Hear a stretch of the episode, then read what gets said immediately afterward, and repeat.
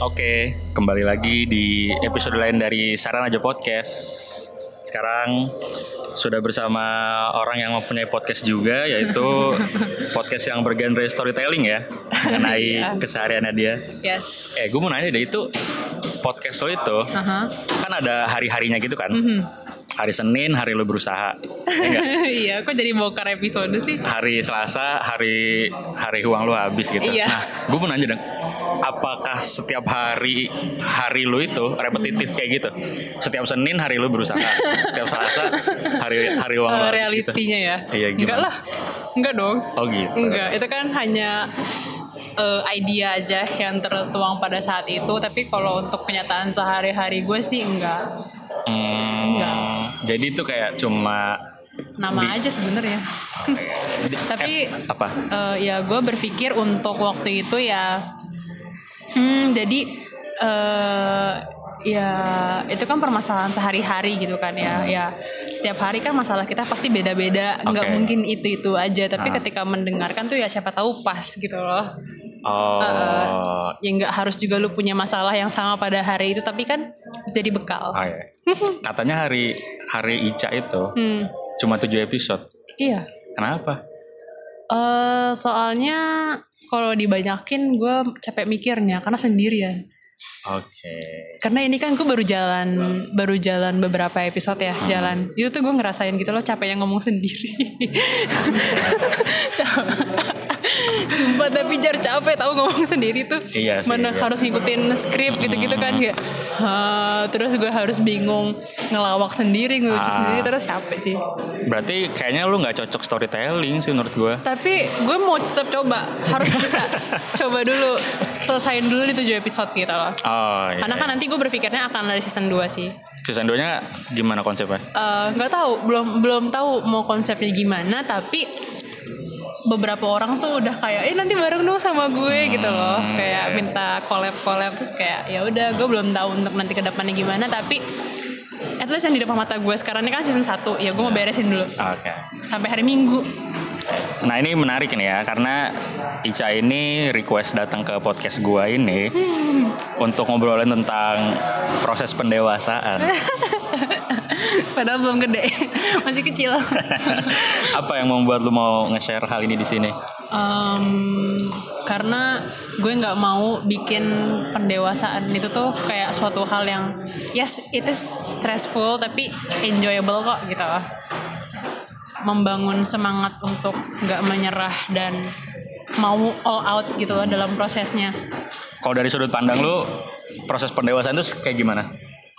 Proses pendewasaan tuh mungkin tiap orang beda-beda. Ada kan orang tuh yang terpaksa harus mendewasakan dirinya mau nggak mau mau nggak mau udah harus mendewasakan dirinya karena udah ya mau gimana lagi gitu kan. Cuman kan beberapa orang juga ada yang dia eh, nggak mengalami nggak mengalami keterpaksaan dia harus dewasa gitu loh. Heeh. jadi ya eh, gue sih merasa gue juga salah satu orang yang dipaksa untuk mendewasa cepat gitu kan. Jadi ya mendewasa itu pertanyaan tadi apaan sih?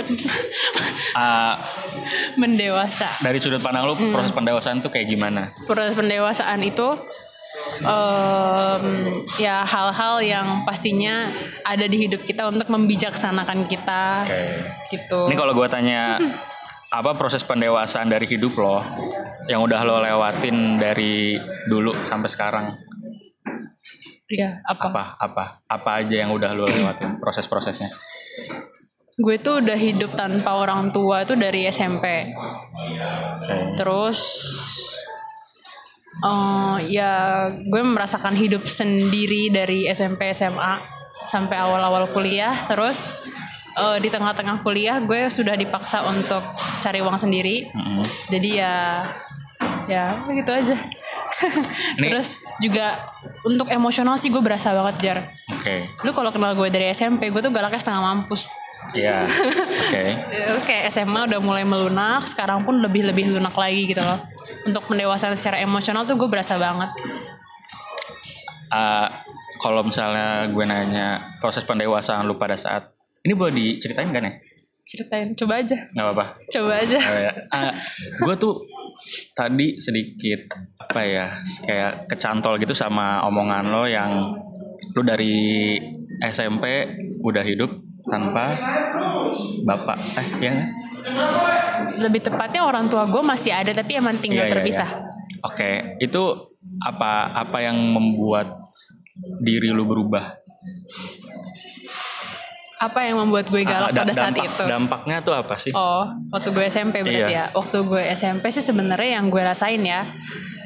eh, gue tuh sebenarnya terlalu sensitif dan terlalu apa ya dingin gitu loh jatuhnya kayak eh gue tuh tapi namanya juga masih kecil ya gue tuh waktu itu nggak tahu apa-apa gue nggak ngerti juga harus kayak gimana sampai akhirnya sebenarnya marah yang muncul di diri gue galak yang muncul tuh sebenarnya tuh pembelaan diri benteng Ya, ya. benteng gitu loh karena gue nggak mau orang macam-macam sama gue jadi mending gue galak di awal Ah, Oke.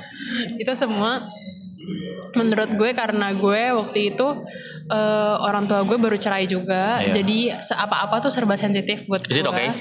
Iya nggak apa-apa Oke. Terus? ya apa-apa serba sensitif buat gue dan ditambah lagi gue sendirian dan keluarga gue juga keluarga yang tidak terlalu afektif Iya ya. oke. afeksinya nggak Iya, terlalu iya, tinggi iya. jadi ya gue gue bener-bener ya jadinya dingin aja gitu loh nggak berhati lah gitu loh temen gue si Alifah lah itu Ah. Itu dulu sering minta tolong temen kamar mandi sama gue Iya. sering gue marahin Kenapa?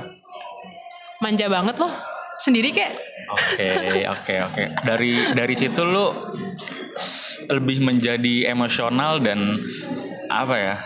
Ya karena itu adalah benteng lu ya. ya nggak mau sakit sebenarnya sih Oke. nggak mau disakitin orang karena ya tapi gue juga waktu itu I have no idea about ini gitu loh. Ini baru semua kepikiran baru sekarang sekarang. Setelah dipikir-pikir gitu loh. Karena seiring berjalannya waktu gue mulai merasakan kayak oh eh, kalau disayang orang tuh begini Oke. diperhatiin orang tuh begini dan dan efeknya tuh ada ke emosional gue banget. Ah, tapi lu enjoy nggak waktu itu? Maksudnya apakah itu emang sifat asli lu? Bukan kan ya? Hah, emansipasi Apakah itu sifat asli lu? Maksudnya Oh. dengan lu emosional, lu enjoy nggak sih pada saat itu?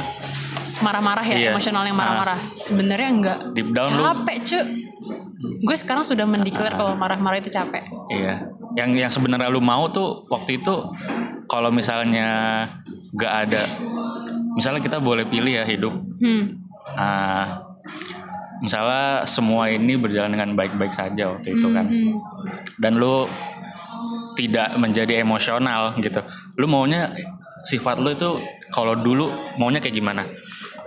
Lu maunya yang semangat kah atau ya lu sos apa ya? Kayak talkative aja gitu. Maksudnya kayak Hmm, paham paham berbaur kepada lingkungan gitu karena kayaknya sih kalau gue baca dengan sifat lo yang seperti itu lu tidak berbaur dengan lingkungan ya berbaur kok. Berbaur. tapi emang cenderungnya gue berani galak sama orang aja. Oh, gue gue oke. punya temen gue punya tetap ada circle gue ada teman-teman curhat-curhatan gue ada. Tapi emang cenderung gue pilih-pilih. Itu pertama dan gue juga ya galak aja sama orang-orang gitu. Kalau temen-temen yang emang tahan sama gue yang sabar-sabar sama gue emang mereka juga mau temenan sama gue sih temenan kok nggak. Dulu gue ketua kelas lu oh iya? Iya. Terus lu galak nggak? Iya dong. Galak dong. Tapi sifat asli lu tuh sebenarnya kayak gimana sih cak? Yang sekarang. Iya. Gue sebenarnya masih suka marah-marah tahu. Cuman eh, bedanya menurut gue sekarang lebih di- lebih terkontrol. Gue nggak semeledak dulu Hmm. dan dulu tuh gue bisa aja marah karena faktor-faktor luar. Kalau Iya. sekarang tuh nggak. Jadi eh, macet misalkan bisa bikin lo bete atau Hmm. gimana tuh gue sekarang enggak sih atau misalkan hmm, kalau lagi kerja temen kerja lo eh, nyebelin apa gimana ya gue sih terganggu tapi gue sekarang lebih bisa kontrol untuk nggak bete gitu loh sama oke sama faktor-faktor luar kalau dulu sangat-sangat ini ya Nggak kekontrol banget. Impulsif lah. iya iya misalnya ah, temen lu ngeselin dikit lu bisa langsung gue marah ya bisa gue ceramain A sampai Z misalnya lu ada tugas terus ketinggalan di rumah marah-marah pasti Iya, bisa kayak memperburuk hari-hari gue gitu loh. Ah, iya. Padahal kan enggak. Harusnya kan enggak. Ya dong. bener bener tapi iya sih kayak aneh sih menurut gue Ya emang aneh. gue eh, gue adalah salah satu penganut kuat eh, dengan kalimat kalau pagi lu buruk hari hari lu pasti buruk. oke terbukti Makanya gue tuh terbukti sama gue. Makanya gue sangat-sangat-sangat menghindari kalau pagi-pagi gue udah bete. Gue jarang sekarang pagi bete. Paling bete tuh kalau kesiangan, Iya. kalau gimana. Ah. Tapi karena gue tahu nih, oh kalau pagi-pagi gue bete, hari gue bakal hancur, gue biasanya akan gimana nih caranya gue bisa lebih ngontrol gitu loh. Mm-mm. Gitu. Karena apalagi semenjak gue jadi part time di sini, Mm-mm. itu gue bener-bener belajar banget yang namanya ngontrol sekitaran gue dan diri gue sendiri kan iya jadi gue sekarang sih gue ngerasa gue lebih bisa mengontrol suasana gue dan sekitar gitu loh berarti baru-baru ini aja ya enam bulan terakhir lah. Enam bulan terakhir? Iya apalagi sekarang corona ya. Gue di rumah mulu nggak ada juga yang bikin gue emosi. Oke. Yang bikin gue ya pekerjaan untuk sekarang sumber utama stresor gue kerjaan. Berarti baru baru enam bulan terakhir ini lu baik-baik aja. menjadi Ica yang sebenarnya? Sebenarnya dulu-dulu juga Ica sih tapi bedanya ya intinya gue gue merasa dalam dua tahun terakhir pun gue banyak bermetamorfosis gitu loh. Ah, apa aja tuh metamorfosisnya Hmm. Kalau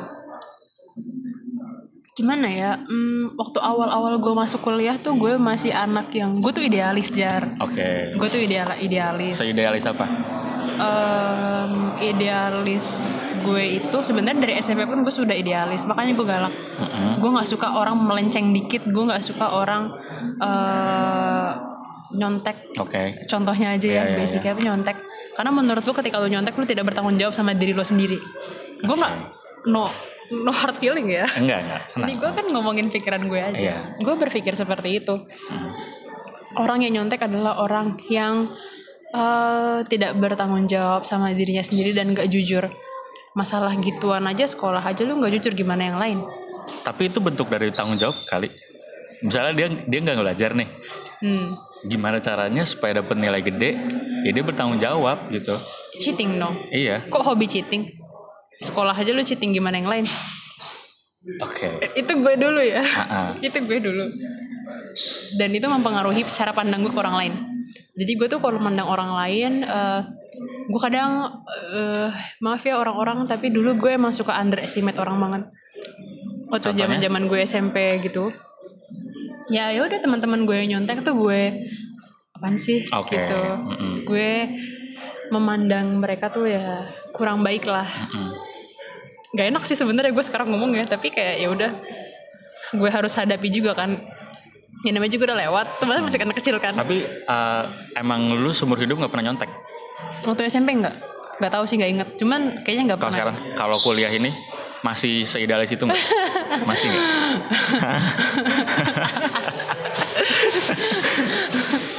kuliah kuliah gue udah bukan prioritas gue ya. Jadi bablas aja. Kadang gue nyontek kadang enggak semampunya gue kalau gue nggak mager gue belajar gue usaha sendiri. Mm. tapi kadang-kadang gue nyontek. Sekepepetnya gue aja intinya itu. Kalau gue sibuk kerja nih ya nggak sempat kasih manggil bagi jawaban bagi jawaban gitu. Berarti ujung-ujungnya ya kita semua nyontek pada waktunya. Bukan akan akan tidak idealis juga sih. Hmm, mau mau lu sekeras apa pun se- sifat idealis lo ya ujung-ujungnya akan itu setuju nggak? Iya karena gue menyadari perlahan gue mulai realistis. Iya benar. Kalau gue dari dulu emang realistis Cak. oh dari dulu udah realistis? dari dulu dari dulu. Oh. gue tuh ya kalau emang hidup membawa gue ke sini ya udah mau diapain? Kalau gue dari dulu gitu gitu. Jadi gue nggak lebih apa ya jadi nggak jadi nggak stressful juga. Ah ya. Nah, lu setuju nggak sih? Iya ya kan? Kalau misalnya kita nggak terima sama keadaan tuh pasti kayak kenapa sih gini gini gini? Kenapa sih gini gini? Gitu. Iya. Sedih gue. iya, tapi bener. Eh, gue eh, gue itu cukup banyak questioning why. Iya.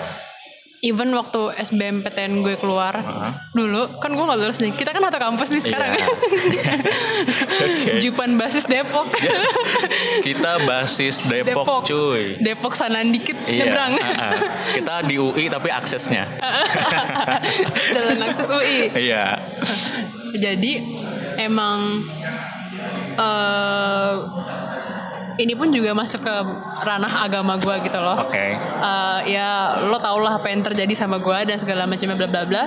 Gue eh gue kalau misalkan mau dibilang gue tidak religius kayaknya biasa aja deh maksudnya kayak dari dulu sampai sekarang pun biasa-biasa aja aja gitu loh maksudnya ya menurut gue hati gue masih sama gitu loh jadi kayak ya ya udah eh, waktu itu emang eh, gue juga banyak menaruh ekspektasi yang berlebihan Iya. sama Tuhan yang Maha Esa Oke. jadi kayak eh, dan gue dipatahkan hati gue juga pada saat SBMPTN itu loh Oke. oke. terus kayak ya Lu udah ngarep banget dan lu udah berdoa sepenuh hati. tapi kan gak realistis sih Iya, iya.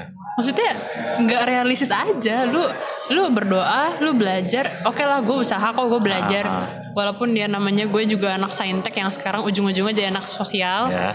kelihatan kan emang nggak bakat aja gitu. Oke. terus waktu gue masih maksain buat jadi anak saintek kan gue ujung-ujungnya menurut gue nggak realistis karena gue eh, belajar iya. Tapi gue juga berharap kayak ya Allah mau dong. Tapi kalau misalkan waktu itu Allah mengabulkan doa gue pun gue akan menyesal. Gue yakin banget. Iya. Berarti emang emang jalan ya Tuhan Lebih tahu tahu. apa yang Yes. lebih cocok buat lo gitu nggak it is bener Meskipun pada saat itu kita anjing apaan nih? iya Nggak terima, gue nggak terima. gak mau Ya, eh, gitu. Cuma emang masukkan aku ke negeri gue maunya gue juga sebenarnya ah, di jurusan yang sekarang Hmm. gue tuh nggak cocok. oh my god Iya, cuma kayak nah sampai sekarang nih gue belum tahu nih hikmahnya. oh, Jadi kayak belum belum belum finish gue. hmm. Karena ah, jiwa gue tuh sebenarnya jiwa komunikasi, Cak. oh. Gue tuh pengen banget dulu kuliah di Unpad Uh-uh. jurusan komunikasi itu Uh. itu mimpi gue banget. Terus ketika realita realita menerjunkan gue ke SI ke kehidupan yang sekarang gitu. Iya. Dan sampai sekarang juga gue nggak tahu hikmahnya apa sih. Belum belum belum gue baca, belum kelihatan belum kelihatan. Hmm. Cuma ah, untuk sekarang ya udah gue jalanin aja sih, bener ya kan. ya nggak semua nggak harus ada jawabannya sekarang Betul. sih Iya benar. Iya. Kita cuma apa ya? Ya nikmatin aja gitu. Hmm. Cuma menikmati apa yang apa yang kita miliki sekarang. Lu waktu Setuju gue. waktu SMA em, yang gue kenal Ica tuh ya ya ya, ya Judes sih emang. kan gue udah bilang Tapi sebenarnya waktu SMA itu lu sudah ini enggak? Agak sudah mengurangi ah udah udah ya itu. iya jadi kalau lo bilang gue judes waktu SMA SMP lebih judes Lebih parah tuh. yes Heeh. jar sekarang pun orang masih ada yang ngomongin gue judes Mungkin dari perawakan lu kali. Padahal kalau menurut gue ya orang tuh banyak yang nilai gue judes karena sebenarnya belum kenal, Mm-mm. belum kenal aja. Emang dari looks lu kalau misalnya orang langsung nilai first impression emang nih Ica kayak judes deh gitu. Iya dan ngomong cara ngomong gue ke orang lain, Iya iya. kan mungkin orang lain tuh udah biasa gue judesin gitu loh, udah Ah. biasa gue jutekin, Tatapan lu biasa. tuh menginfida- mengintimidatif ya gue Ca. Kalau untuk orang-orang baru lemes gue. Tapi iya tau katanya yang serem dari muka gue tuh emang mata gue. ya kan. Jadi bagus lah itu ke, ke- kekuatan kalau gue naik kereta. Iya benar. Mm. Jadi lu nggak usah kayak sok-sok galak gitu Iya. karena emang look lu sudah sudah mewakilkan gitu. Betul. Apalagi pakai masker. Gue seneng banget sekarang pakai masker ke mana-mana. Gue nggak perlu harus banyak eh, mengontrol muka. Ah. Pasang aja udah mata udah beres selesai. Iya dong. Oke. Nah, Cak, em, pas kuliah nih, Hmm. gua rasa banyak banget yang lu udah lewatin sih. Nah gue pengen pengen nanya nih kayak apa ya? Misalnya nih proses pendewasaan lu dari dari segi asmara gitu. Boleh ceritain gak ujung-ujungnya lu ke situ juga ya gue liat-liat ya. Banyak sih sebenarnya yang Oh, mau gue tanyain. Hmm, satu-satu. Cuma dari itu dulu deh. Ah, itu dulu dari asmara. Sebenarnya eh, I would say kalau asmara gue yang sebelum yang sekarang ini itu banyak ngehajar gue banget ah kan Yes. Banyak ngehajar gue dalam artian kayak em, karena gue sakit hati sesakit itu, Iya. akhirnya bikin gue banyak mikir, bikin gue banyak mikir, eh, bikin gue jadi mau untuk lebih menyatukan diri gue kembali gitu loh, Iya. karena setelah dipikir-pikir tuh kayak gue tuh nggak realistis. Gue tuh nggak realistis sa- sampai gue belum sakit hati tuh gue nggak realistis banget deh pola pikir gue Eh, gue banyak mengandalkan keberuntungan. Oh iya, iya. alhamdulillah emang cukup lumayan sering beruntung tapi ya nggak realistis aja gitu loh. Contohnya gimana? nggak nggak sehat gitu loh jar. Contohnya gimana? Ya gue tuh maunya effortless gue maunya gue bisa ke sana gue bisa dapet ini gue bisa begini begini begini tapi effortless. Tapi kan nggak mungkin nggak Iya, mungkin iya. banget gitu kan. Ya sampai akhirnya eh, gue eh, sama ini orang terus banyak yang terjadi sama dia segala macam bla bla bla. Di situ pun gue jadi ceritanya eh, gue eh gue gue nggak tahu orangnya itu sad- sadar apa enggak. Ah. tapi pada saat itu sebenarnya gue ngerasa dimanipulatif. Sekarang gue bisa lu lu bilang apa dia? Dia? gue yang gue yang dimanipulatif dong. Iya lu- dia yang memanipulatif kan yes dia yang manipulatif gue sih sekarang gue nggak bisa Eh, maksudnya dulu sih gue nggak bisa bilang kayak gini gitu loh. Tapi kalau sekarang gue bisa bilang kalau misalkan waktu itu gue merasa dimanipulatif gitu loh. Contohnya apa? Ada nggak sih? Contoh umum lah. Contoh umumnya gue dulu sempet dibungkam nggak boleh ngomong sama siapa pun gitu oke loh. oke Heeh, yang kayak Ah. gitu-gitu. Nah, Sempet lu, bego lu, lah gue. lu lu digituin Heeh. tapi dengan background lu yang waktu SMP Nurut. iya kenapa, Kenapa nurut? Kenapa? Karena disayang. oh gitu Salah satu ibaratkan nih kalau gue bat es batu, salah satu penghangatnya itu dia waktu itu. hmm. Yang salah satu bikin gue, gue tuh drastisnya gue melunak adalah waktu gue sama dia juga. Sama yang sekarang sih juga drastis banget. Iya. Cuman pertama kali gue mengalami peng penghangatan secara emosional tuh sama dia awalnya. Disayang, ya nurut lah. Oke. Berarti emang gara-gara ya afeksi dia yang bisa membuat seperti itu. Hmm, dan akhirnya di situ bikin gue mikir ke internal keluarga juga. Gue waktu itu sempat menyalahkan kayak emosional gue tidak akan sereaktif ini kalau dulu gue disayang. Oke. Kan gue kan tadi gue bilang gue Iya, udah nggak tinggal sama Ah. orang tua gue. Ya gue dibiarkan sendiri, gue nggak di, gue sih ngerasanya sih Parent issue sih ya. Yes, iya jadinya malah jadi ke parent issue. Kayak eh, cuman maksudnya ya udahlah apa pun yang terjadi waktu gue sama dia ya udah. Oke. Toh banyak hal yang terangkat, banyak hal yang terucap, banyak hal yang akhirnya sembuh karena ada luka dari dia gitu loh. Walaupun gue perlu waktu lama, walaupun gue sama pacar waktu gue berhubungan sama dia gue nggak ada setahun loh jar, Iya. nggak ada Berapa setahun. bulan sih? Sebelasan lah, nyaris sih. Oke. 10 sebelasan. Iya. Nyaris setahun. Mm-mm.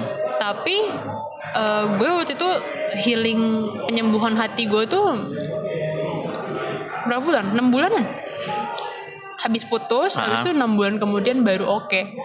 Gara-gara corona juga oke-nya. Karena waktu corona gue banyak juga merenung sendiri gitu loh. Ah, ah. Gue banyak menemukan diri gue lagi gitu loh. Lu Setelah dibanting habis-habisan itu. ketika lu diputusin dan lu ngerasa sedih, apa yang membuat lu sedih? Pasti kayak kehilangan afeksi ya. yes nggak disayang nggak em, mm, belum lagi waktu itu kan gue banyak dijauhin dari teman-teman juga kan jadi kayak gue pun bingung gitu loh mau ngomongnya sama siapa gitu Oh. kan Eh, itu juga jadi pelajaran buat gue sekarang Iya. walaupun gue ada pacar sekarang tapi gue nggak ninggalin teman-teman gue gitu loh tetap harus bisa Oh, waktu itu lu ninggal, sampai ninggalin circle lu juga ya? circle iya paling cuman mainnya sama anak teman-teman kuliah Berarti emang bener-bener dibungkam sebegitunya gitu. Wah, walaupun diem-diem kadang-kadang gue juga apa Gak nurut. nggak nurut Iya. tapi most of all gue nurut Tapi kenapa ya maksud gue kalau emang harusnya ya kalau emang dia sayang ya harusnya dia ngertiin pasangannya gak sih? ya nggak tau lah ya setiap oh, mungkin dia ada masalah juga. Ini gue juga nggak ngerti maksudnya kayak ya ya gitulah. Makanya gue pun eh, setelah gue sama dia juga gue tuh punya pemikiran kalau gue nggak mau eh, kalau gue nanti akan punya pacar lagi gue nggak mau punya cowok yang punya cowok yang gue harus em, dewasakan lagi secara emosional gitu loh Oke. karena capek Iya benar-benar. capek di mana gue harus ngeladenin dia Iya, bete ngeladenin dia ini itu ini itu Waktu masalah sama yang dia macem. dia kayak gitu. iya Childish gitu. sebenarnya dia nggak childish sebenarnya enggak tapi emang dia punya emosional masalah emosional aja yang waktu itu kayak ya serem aja gitu loh dan gue capek ngadepinnya capek banget Dia kayak gimana? Coba contohin deh. Satu aja. kalau kalau dia lagi ngerasa gue bermasalah guanya Cuek. ngambek atau gimana gimana Lu PMS gitu. gue nggak cuek gue nggak cuek jar Eh, kalau guanya bermasalah kalau gue ngambek lah misalkan Ngambek ya mungkin guanya juga cari masalah juga gitu loh kayak em, eh, mungkin guanya ngerasa kurang disayang Oke. terus gue bawel rewel lah Iya, iya, rewel iya. nanti dia bakal ceramahin gue kalau dia lagi ceramahin gue dua jam tuh bisa dia semua yang ngomong Ngeramainnya Gue gimana nggak maksudnya? ngomong, ya Kayak dia ngomong lu ngertiin gue dong, gini gini gini gini. Gue juga ada masalah kali gitu-gitu. like that lah seperti itu kira-kira kayak gitu kira-kira tapi nggak nggak karena dia itu juga orangnya pintar kan jadi Iya. kayak dia dia juga pintar untuk bisa ngomong baik-baik sama gue Oke. Gitu loh. Berarti eh, dia tuh dua jam ngomong bukan bukan ngomong yang kayak marah-marah gitu ya.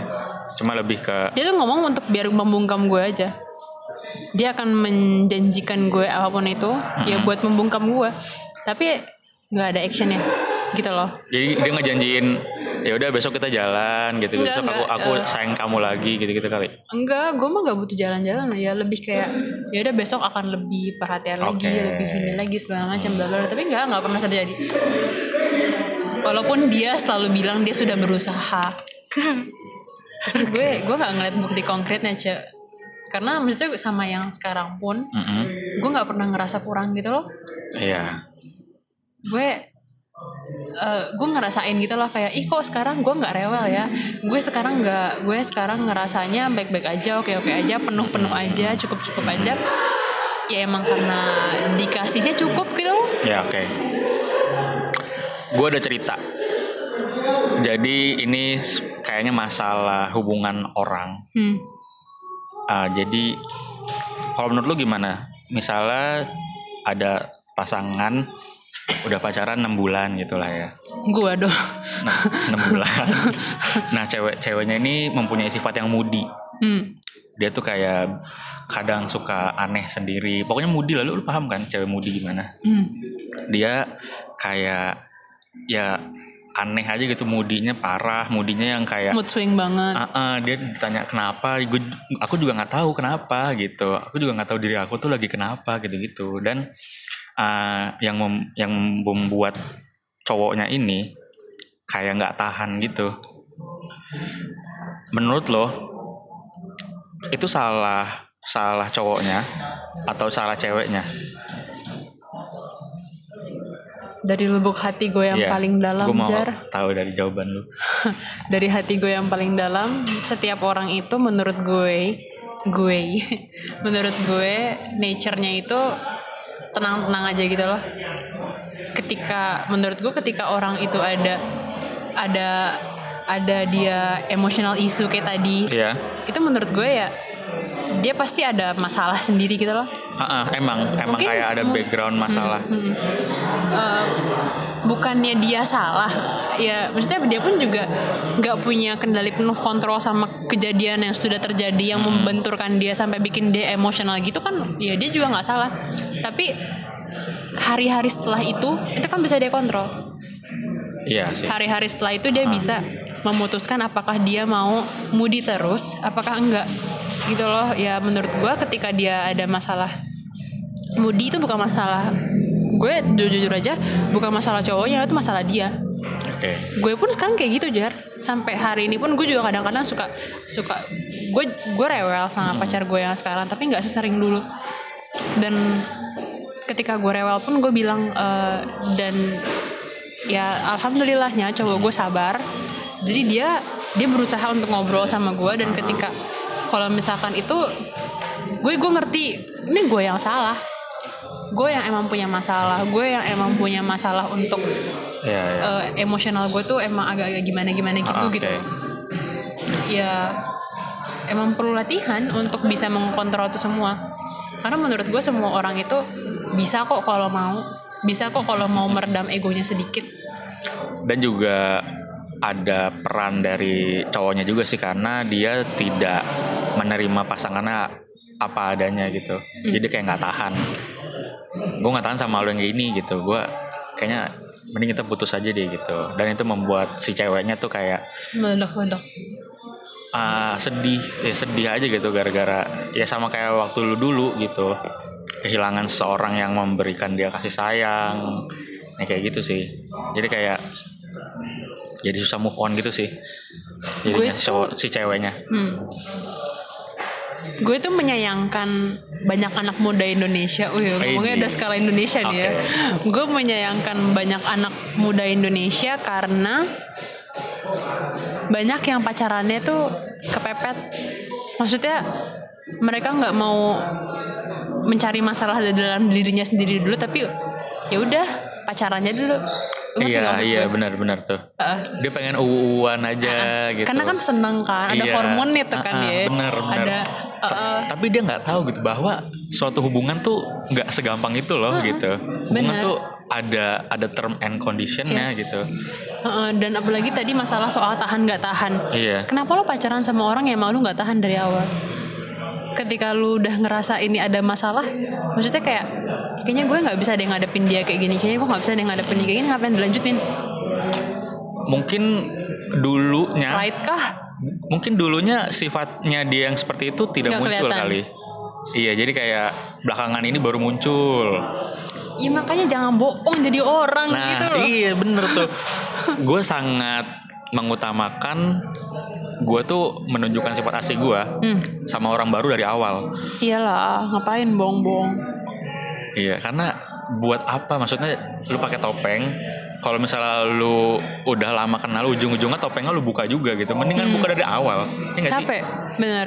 Karena kalau dari awal tuh nanti udah ke filter sendiri gitu loh jadinya. Iya, mana yang benar, cocok, benar, mana yang benar. enggak, mana yang cocok, mana yang enggak. Jadi kayak gitu.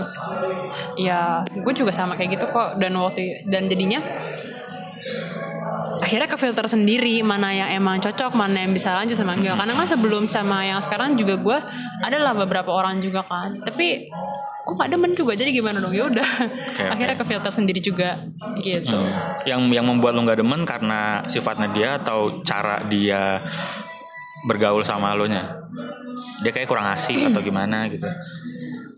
gue masalah asik-asikan asik tuh bisa dicari bareng-bareng kok Oke. kalau menurut gue ya Oke.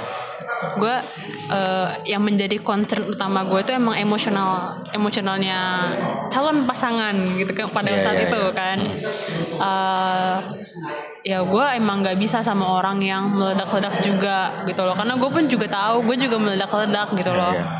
dan waktu ini kan gue sama pacar gue yang sekarang kenalnya kan sebenarnya udah setahunan kan. Iya. karena kerjaan satu kerja. Ah.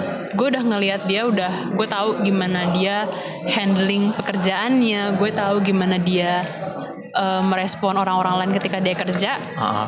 ya hal yang pertama kali gue suka itu emang emosionalnya dia. Doh gue udah suka banget. Gitu. Dari dia yang wise ya menurut lo? Dan bijaksana gitu. Jadi Iya. lo uh, tertarik sama laki-laki yang memiliki emosional yang mateng Iya bisa jadi Ya. Gue gue juga nggak mau karena ya kayak yang tadi gue nggak mau harus Oke, oke. menuntun Iya, lagi karena segala lu- macam gue juga mau dituntut Iya, karena lu eh, eh gue package-nya udah begini gitu. Gue pengen yang uh, bisa ngadepin gue dengan cara yang baik dan Iya. bagus gitu. bukannya gue nggak mau ngurus orang ya maksudnya kan kayak kalau nikah pun kan juga harus ngurus kan tapi Karena namanya sifat asli juga Heeh. nggak bisa dihilangin 100% gitu. Cuma It is cuma bisa dikontrol. Cuma bisa diredam. Mantap ya kan? iya Jadi karena emang sifat asli lu yang meledak-ledak gitu. Jadinya lu nggak mau punya pasangan yang punya sifat yang sama gitu karena ujung-ujungnya bakal berantem terus pasti. bener Dan banget bikin gak nyaman hubungan. Ah bener bahkan gue pun menyadari ya jar gue gue tuh punya sekarang tuh punya temen deket yang deket banget sama gue kalau gue bandingin sama pacar gue sekarang kan maksudnya ya pacar sama teman deket kan hitungannya hampir sederajat lah ya Iya. gue lebih bisa marah sama pacar gue dibandingkan teman gue Kenapa? kayak misalkan nih gue gue kan emang anaknya demen cerita ya kalau misalkan gue lagi bete gue lagi apa gue lagi nyesek atau gimana Iya. gue pasti mencari orang untuk cerita dan temen deket gue dan pacar gue adalah salah satu option utama gue untuk gue reach out dong. Oke. nah ceritanya waktu itu eh, gue itu kalau sama temen deket gue nge-reach out mereka. Mereka mau balas besok. Minggu depan hari-hari besok besok gue gak masalah. Oke. tapi kalau sama pacar nggak dibalas sejamnya gue marah Ya iyalah karena lu merasa Iya. Tapi itu aneh buat gue. Gue sempat berpikir kayak ini berantem gue yang terakhir sama cowok gue tuh ini masalahnya. Gue bilang kayak kok gue lebih bisa marah sama temen gue yang ini dibandingkan sama pacar gue sih kayak karena gue ngerasanya kasihan kasihan lo pacar gue digituin dia aja nggak pernah marah sama gue gitu kan terus gue berpikir kan kayak ih eh, emang ini masalahnya masalah gua gitu loh. Iya. jadinya kayak ya udahlah eh, gue harus berusaha. Ya kalau gue bisa memberi batasan sama temen gue gue nggak akan marah sama mereka segala macam. Ya kenapa gue nggak bisa nggak marah sama pacar gue gitu loh. Ya memang gue ber gue berharap sama dia. Tapi ya tetap realistis aja gitu loh. Orang nggak mungkin menyenangkan kita 24 jam per 7 kan. Karena dia juga punya kehidupan Mm-mm, bener dan punya banget. masalah Iya, sendiri iya gitu. benar banget. Apalagi kan pacar gue lebih tua dari gue kan, Iya. agak jauh. Jadi ya kehidupan dia sama gue tuh ya of course beda banget, gitu benar loh. Ya gue nggak bisa apa-apa bener-bener. Jadinya ya gue rely on, gue berharap, gue em, juga punya visi dan misi sama dia, tapi tetap kemandirian dan independen tuh tetap harus ada, Iya, iya. terutama secara emosional gitu loh. Berarti ya untuk ke depannya lu harus membenahi sifat lo yang enggak apa ya nidi nidi sama pasangan harus meredam lagi ya karena lu tahu pasangan lo itu punya masalahnya pribadinya dia dan punya kehidupan sendiri gitu Bener. jadi lu harus kalau emang dia nggak lagi nggak ada buat lo ya ya sudah gitu Gue harus tetap bisa take care of myself. Iya iya. Tapi nggak ada salahnya juga kalau misalnya ya ya bener sih kata lu. Kayak misalnya lu ke sahabat lo cuma dia cuma jadi wadah aja lu nuangin aja. Ya terserah dia mau direspon atau enggak gitu. Karena yang penting lu udah nuangin aja gitu ke dia kan. Iya, benar. yang yang mana harusnya lu bisa ngaplikasinya ke pacar lu juga gitu kan. Iya. Jadi biasanya ya kadang kalau misalkan emang gue eh, gue lagi libur di rumah hari kerja, gue libur di rumah dia kerja kan. Biasanya terjadi adalah kalau gue sudah keburu emosional, gue tuh menjangkau sahabat gue dulu. Jadi gue ngobrol sama dia dulu karena kalau gue ngobrol sama sahabat gue tuh emotionless banget gitu loh. Gue nggak akan marah apa pun responnya ke gue. oke dan emang kebetulan teman gue ini tuh emang respon ke guanya pun juga bagus gitu loh jadi kita sama-sama menjaga emosional kita kan? Nah, tapi kalau ke pacar gue ya gue bisa aja marah kalau dia balasnya biasa-biasa aja.